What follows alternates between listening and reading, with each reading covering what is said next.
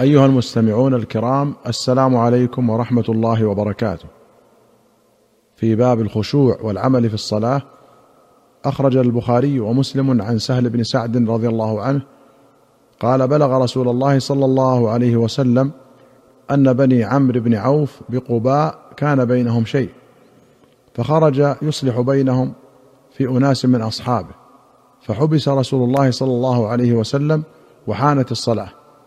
فجاء بلال إلى أبي بكر فقال يا أبا بكر إن رسول الله صلى الله عليه وسلم قد حبس وقد حانت الصلاة فهل لك أن تؤم الناس؟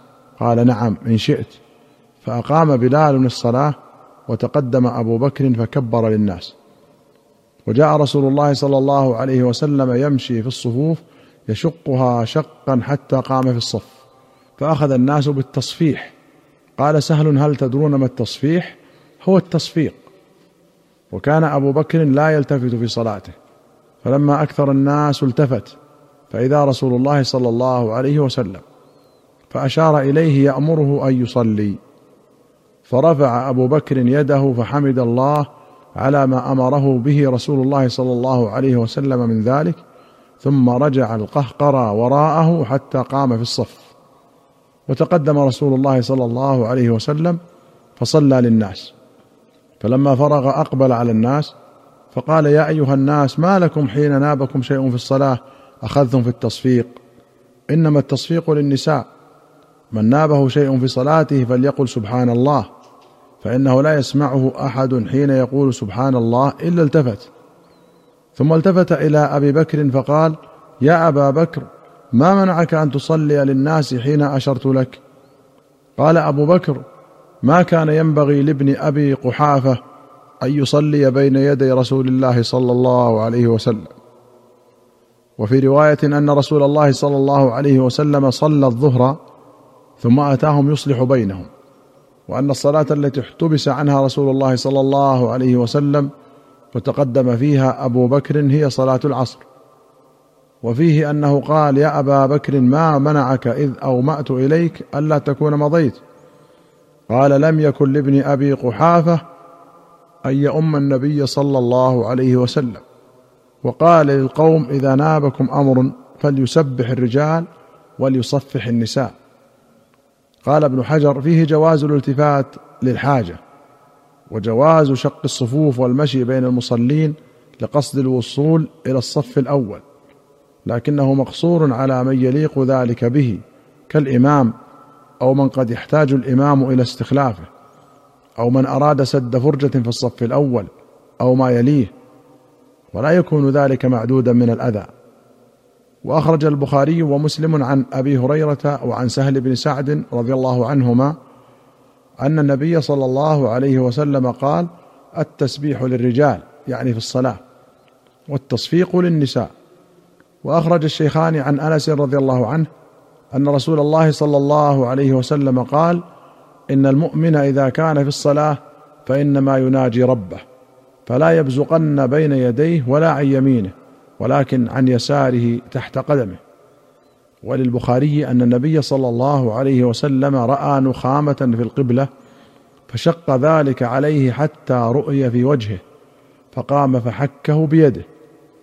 فقال إن أحدكم إذا قام في الصلاة فإنما يناجي ربه فإن ربه بينه وبين القبلة فلا يبزقن أحدكم قبل قبلته ولكن عن يساره أو تحت قدمه ثم أخذ طرف ردائه فبصق فيه ثم رد بعضه على بعض فقال أو يفعل هكذا. قام صلى الله عليه وسلم بنفسه وحك النخامة بيده ولم يأمر أحدا بذلك صلى الله عليه وسلم. وأخرج الشيخان عن أبي هريرة رضي الله عنه أن رسول الله صلى الله عليه وسلم قال إذا قام أحدكم إلى الصلاة فلا يبصق أمامه فإنما يناجي الله ما دام في مصلاه ولا عن يمينه فإن عن يمينه ملكا وليبصق عن يساره أو تحت قدمه فيدفنها. ولمسلم أن النبي صلى الله عليه وسلم رأى نخامة في قبلة المسجد فأقبل على الناس فقال ما بال أحدكم يقوم مستقبل ربه فيتنخع أمامه؟ أيحب أن يستقبل فيتنخع في وجهه؟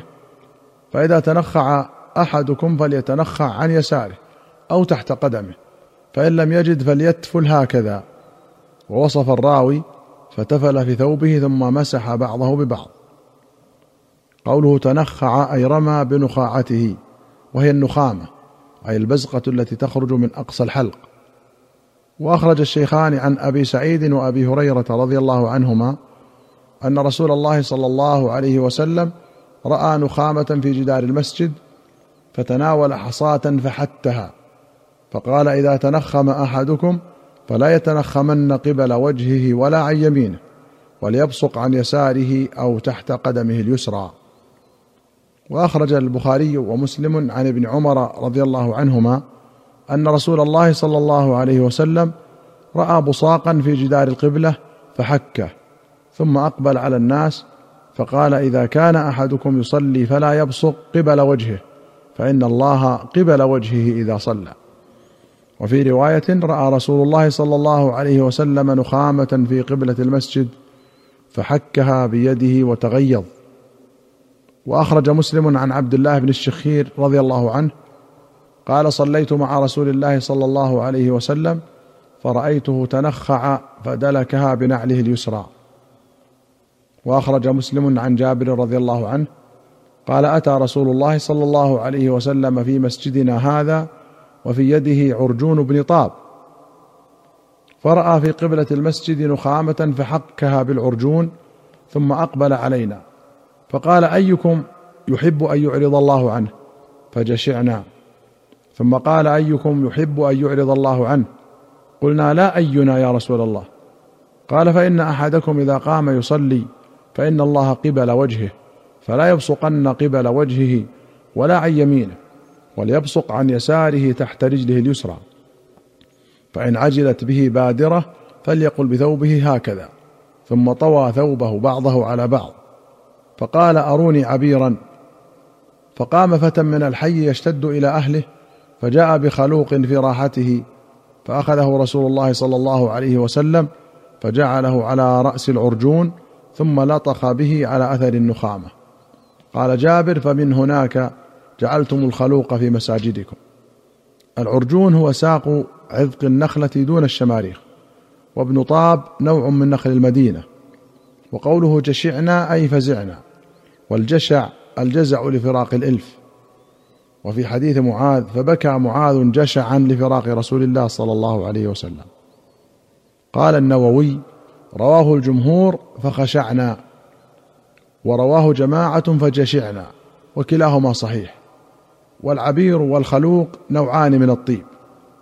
وأخرج البخاري عن عمرو بن ميمون أن معاذا بعثه النبي صلى الله عليه وسلم إلى اليمن فقرأ معاذ في صلاة الصبح سورة النساء فلما قال واتخذ الله إبراهيم خليلا قال رجل خلفه قرت عين أم إبراهيم قال الحافظ ابن حجر في الفتح وقد استشكل تقرير معاذ لهذا القائل في الصلاة وترك أمره بالإعادة وأجيب عن ذلك إما بأن الجاهل بالحكم يعذر وإما أن يكون أمره بالإعادة ولم ينقل أو كان القائل خلفهم ولكن لم يدخل معهم في الصلاة. وأخرج أبو داود والبزار والحاكم والبيهقي في السنن والبغوي بسند حسن عن شداد بن أوس رضي الله عنه أن رسول الله صلى الله عليه وسلم قال خالفوا اليهود فإنهم لا يصلون في نعالهم ولا خفافهم. قال في عون المعبود أقل أحوال هذا الحديث الدلالة على استحباب الصلاة في النعال. ونقل الاستحباب عن الشوكاني. قال وفي الفتح. قال ابن بطال هو محمول على ما إذا لم يكن فيهما نجاسة. ثم هي من الرخص كما قال ابن دقيق العيد لا من المستحبات. لأن ذلك وإن كان من ملابس الزينة يعني لقوله تعالى خذوا زينتكم عند كل مسجد. إلا أن ملامسة الأرض التي تكثر فيها النجاسات قد تقصره عن هذه الرتبة.